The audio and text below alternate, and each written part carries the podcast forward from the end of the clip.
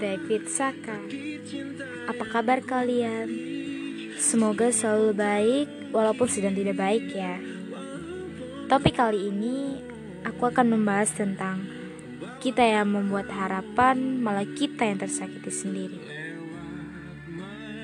Kalian pernah jatuh cinta pandangan pertama setelah sekian lama berusaha move dari yang dulu? Kalau kalian belum pernah nyobain, cobain deh rasanya ah mantep. Maaf guys, garing banget kan? Oke, okay, back to topic. Ketika jatuh cinta lagi, kalian ngerasa kok kayak kejadian dulu ya? Kok aku merasa lebih enak yang dulu daripada sekarang? Kok mulut aku se-excited itu? Tapi dalam hati tidak seperti itu. Mungkin ini baru tahap awal, hanya takut untuk tersakiti lagi. Aku memilih banyak jarak, tapi yang ini jelas berbeda.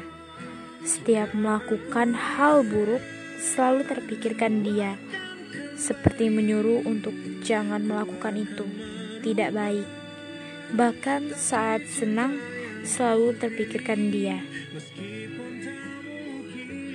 Melihat dia dari jauh dan juga tidak sanggup sama sekali untuk lihat wajahnya.